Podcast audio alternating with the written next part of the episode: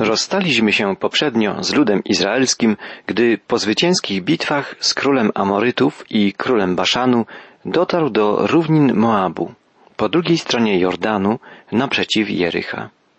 22 rozdział Księgi Liczb, czyli czwartej Księgi Mojżeszowej, rozpoczyna się od słów mówiących o tym, że król Moabu, Balak, przeląkł się, gdy usłyszał, że Izraelici wkroczyli na jego ziemię. Czytamy, Balak, syn Sipora, widział wszystko, co uczynił Izrael Amorytom.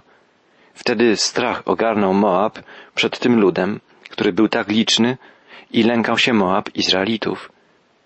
I dalej czytamy w 22 rozdziale Księgi Liczb, że król Moabu postanowił zwrócić się z prośbą o pomoc do wieszcza o imieniu Balaam lub po hebrajsku Bileam. Król Moabu chciał, aby Bileam przeklął lud izraelski. Postać Bileama jest jedną z najbardziej skomplikowanych postaci Biblii. Trudno ocenić, czy był on Bożym prorokiem, czy tylko wieszczem, czy słuchał głosu Pana i czy był mu posłuszny, czy też postępował według własnego interesu. Są w Biblii postaci kilka tysięcy ludzi, których Duch Święty, autor Biblii, opisuje bardzo jednoznacznie, rysując ich pełny portret osobowościowy, ich charakter, ich poglądy, a przede wszystkim ich profil duchowy, ich stosunek do Boga. Jest jednak w Piśmie Świętym kilka sylwetek ludzi, którzy pozostają dla nas zagadką. Nie do końca potrafimy je rozszyfrować. Trudno nam te postacie zrozumieć. Ich prawdziwą naturę jakby okrywa mrok. Są charakterami skomplikowanymi, niejasnymi, enigmatycznymi. Takimi postaciami są na przykład Kain, Ezaf, Samson, a w Nowym Testamencie Judasz. Bileam jest jedną z tych nie do końca zrozumiałych dla nas postaci. Niektórzy komentatorzy biblijni uważają, że był on prawdziwym prorokiem, inni natomiast oceniają go jako wieszcza dbającego o swoje interesy. Czy Bileam był posłuszny Bogu? Czy szczerze szukał Bożej woli? Czy wiernie przekazywał słowa Pana? Będziemy chcieli znaleźć odpowiedzi na te pytania w trakcie naszych rozważań.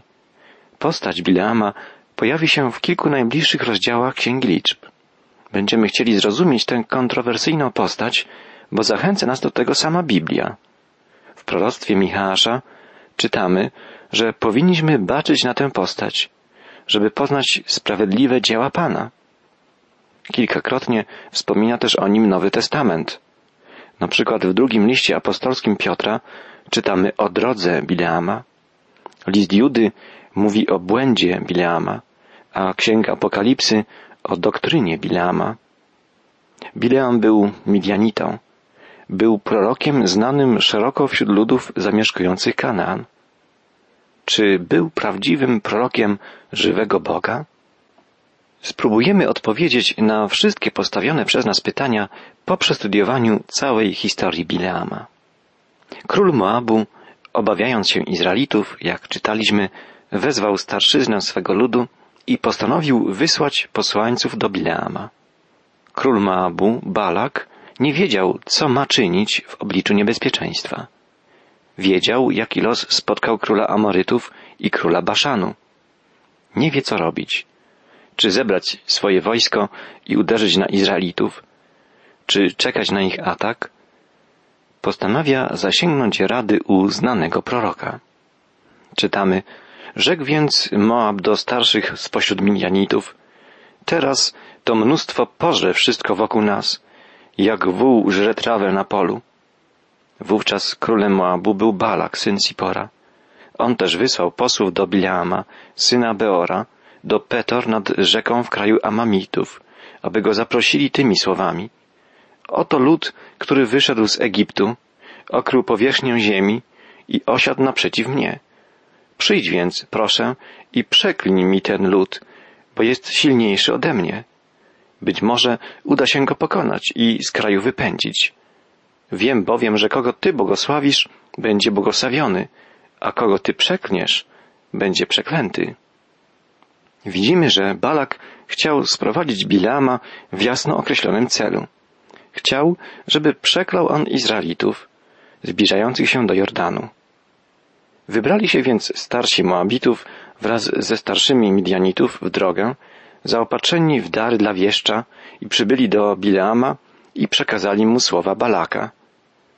Tu dowiadujemy się, że posłańcy zaopatrzeni byli w dary dla Bileama. Król Balak chciał właściwie przekupić Bileama, żeby przepowiedział mu szczęście i powodzenie w walce z Izraelitami. On zaś im odpowiedział, czytamy dalej, pozostańcie tu na noc, a potem dam wam odpowiedź według tego, co mi Pan powie.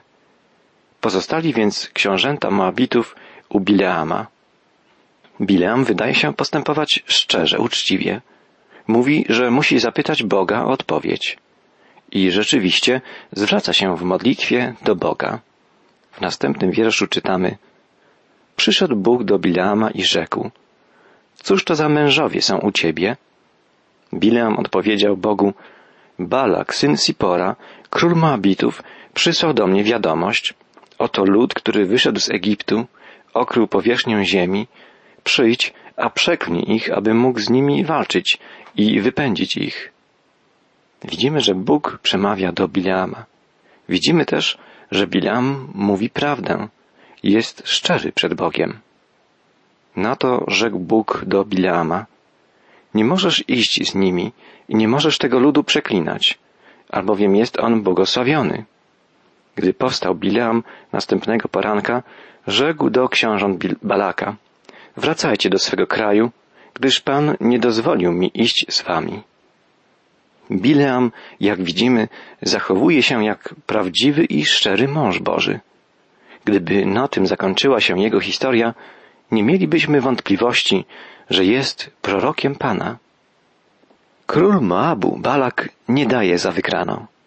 Od czternastego wiersza dwudziestego drugiego rozdziału Księgi Liczb czytamy Powstali wtedy książęta Moabu i przyszli do Balaka, donosząc mu, nie zgodził się Bileam pójść z nami. Wtedy Balak posłał raz jeszcze książąt liczniejszych i bardziej dostojnych niż tamci. Skoro oni przybyli do Bileama, rzekli mu, tak mówi Balak, syn Sipora, nie wzbraniaj się przyjść do mnie. Wynagrodzę cię bowiem i wszystko uczynię, cokolwiek mi powiesz. Przyjdźże więc i przeklnij mi ten lud. Jak widzimy, król Balak proponuje tym razem prorokowi hojniejszą nagrodę za jego usługę. Jak zachowa się Bileam?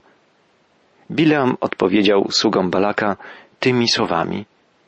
Choćby mi Balak dawał tyle srebra i złota, ile pałac jego pomieści, to przecież nie mogę przekroczyć rozkazu Pana, Boga mojego, zarówno w małych rzeczach, jak i wielkich.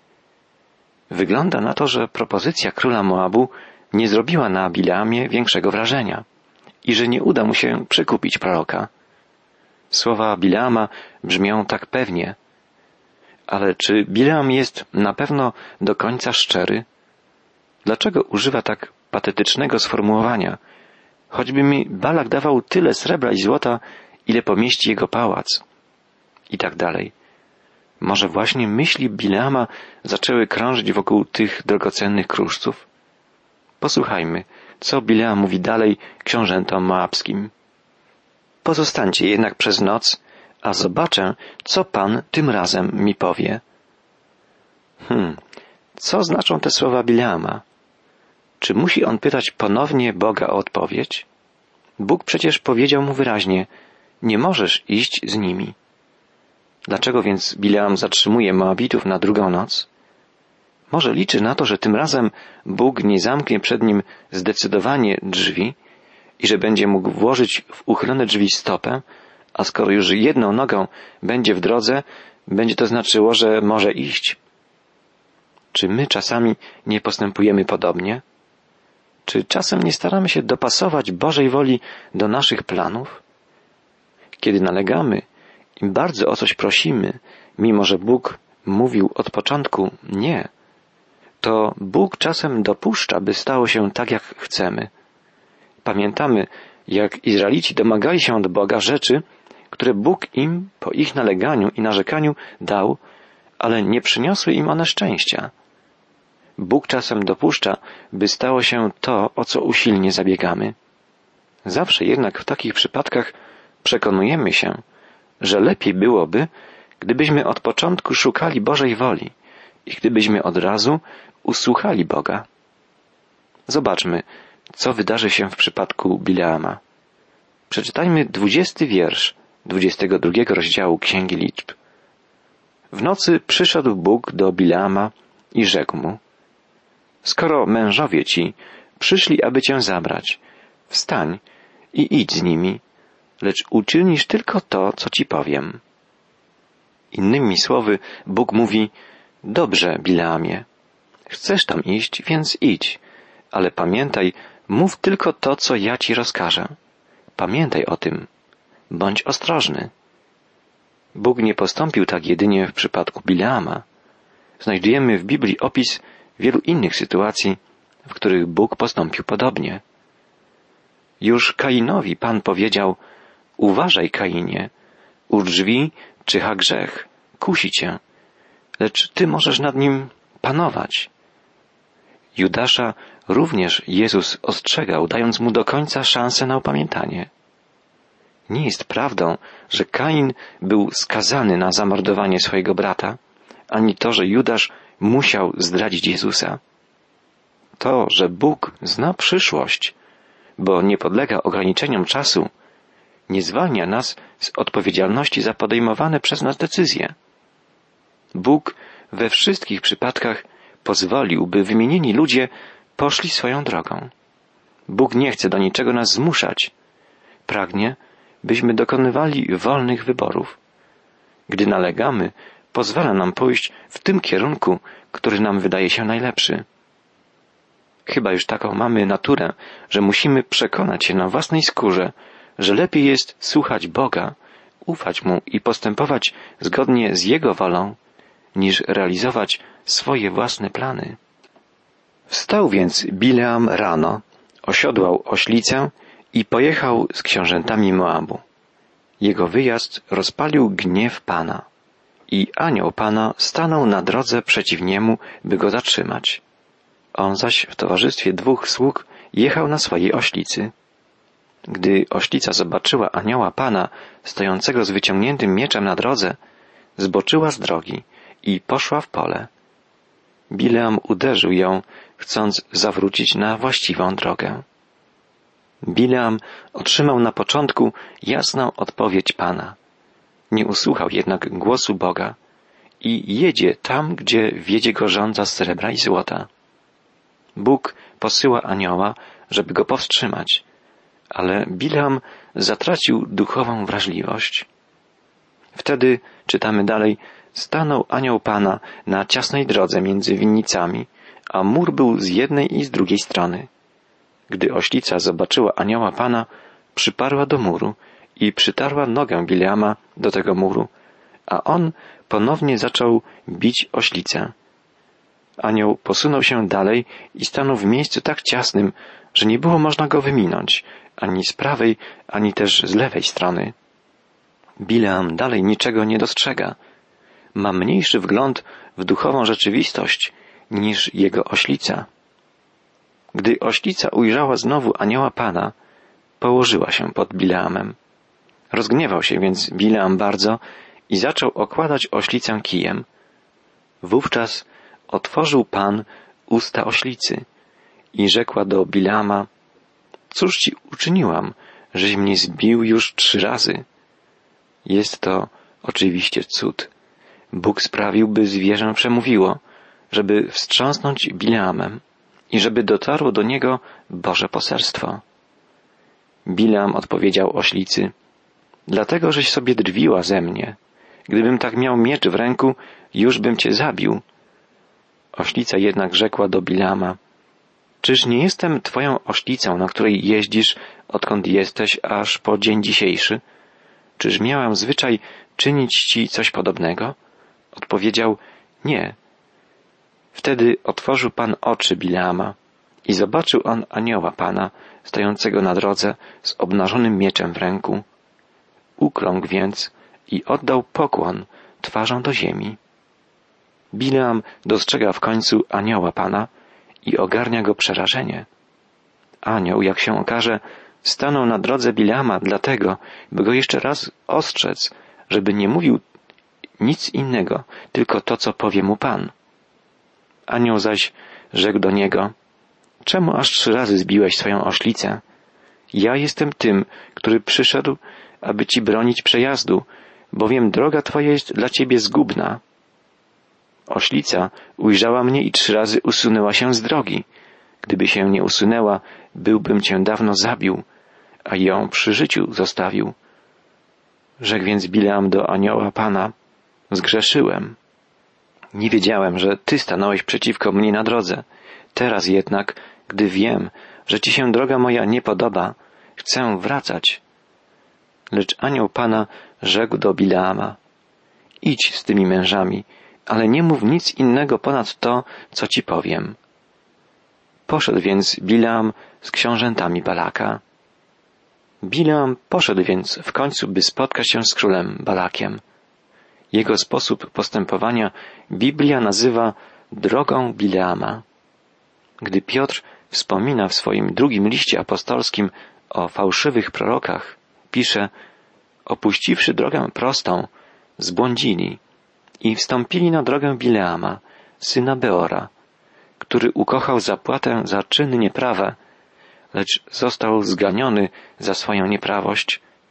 Nieme bydle juczne przemówiwszy głosem ludzkim, zapobiegło nierozumnemu postępkowi proroka. Droga Bileama to droga kręta, droga nieprawa. Jest to droga naznaczona chciwością. Niestety dzisiaj wielu chrześcijan i wiele chrześcijańskich organizacji podąża drogą naznaczoną piętnem pieniądza. I my musimy szczerze zrewidować swoje motywacje do pracy i służby chrześcijańskiej powinniśmy mieć zdrowy stosunek do pieniądza i dóbr materialnych. Gdy zajmują one w naszym życiu i w naszym sercu zbyt wiele miejsca, wtedy stajemy się chciwi, pazerni. Zwróćmy uwagę na następną scenę naszej historii. Bilam przybywa do króla Balaka i znajduje się w pobliżu obozu Izraelitów. Gdy usłyszał Balak, że Bileam się zbliża, wyszedł naprzeciw niego aż do Ir Moab, które leży nad Arnomem, na samej granicy kraju. Balak rzekł do Bileama, czyż nie posyłałem już po ciebie, by cię przywołać? Czemu nie przybyłeś? Czyż nie mogę hojnie ci zapłacić? Bileam jednak oświadczył Balakowi, przecież teraz przybyłem do ciebie. Czy rzeczywiście mogę coś oznajmić?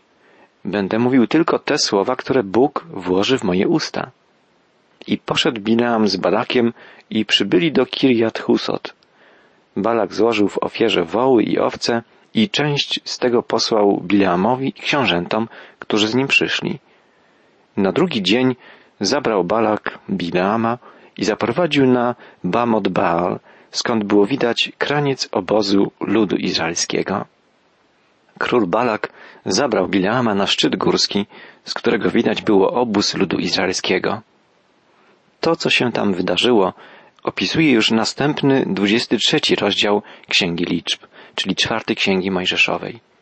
W pierwszych wierszach tego rozdziału czytamy, że Bilam polecił królowi Balakowi wznieść na wzgórzu siedem ołtarzy i złożyć na nich ofiary całopalne. Wtedy rzekł Bilam do Balaka, wznieś mi tu siedem ołtarzy i przyprowadź mi siedem młodych cielców i siedem baranów. Balak uczynił według życzenia Bileama. Ofiarowali wspólnie na każdym ołtarzu młodego cielca i barana. Wtedy rzekł Bileam do Balaka, pozostań tu przy twojej całopalnej ofierze, ja zaś odejdę. Może objawi mi się Pan, a co mi dozwoli zobaczyć, oznajmię tobie. I poszedł na bezdrzewny pagórek. Gdy król Balak wraz z książętami Moabu złożyli ofiary całopalne z siedmiu cielców i siedmiu baranów, Pan przemówił do Bileama.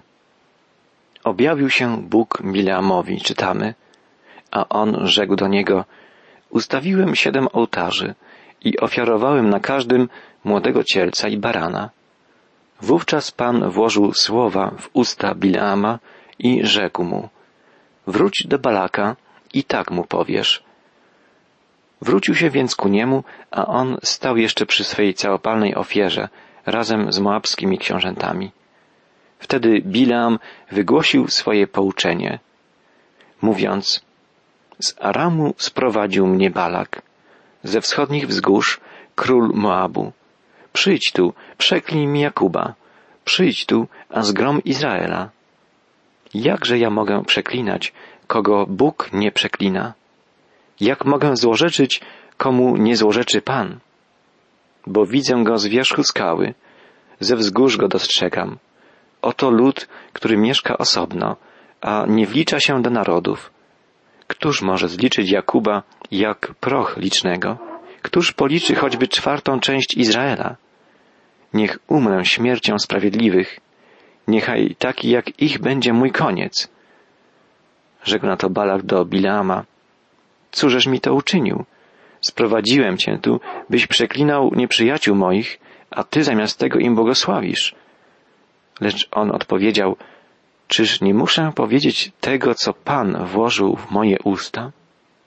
Król Balak nie był zadowolony z proroctwa Bileama. Bileam nie przeklął ludu izraelskiego. Jego pierwsze proroctwo było wiernym przekazaniem królowi słów Pana. Król Balak nie dał jednak za wygraną. Prosił Bileama, by poszedł z nim na inne wzgórze, skąd będzie lepiej widział obóz izraelski. Rzekł więc Balak do niego, chodź proszę ze mną na inne miejsce, z którego będziesz ich widział. Stąd widzisz tylko ich część, a wszystkich nie ogarniasz. Przeklnij ich zatem stamtąd. Bileam poszedł z Balakiem. Popełnił błąd. O tym, co wydarzyło się dalej, dowiemy się w trakcie naszego następnego spotkania.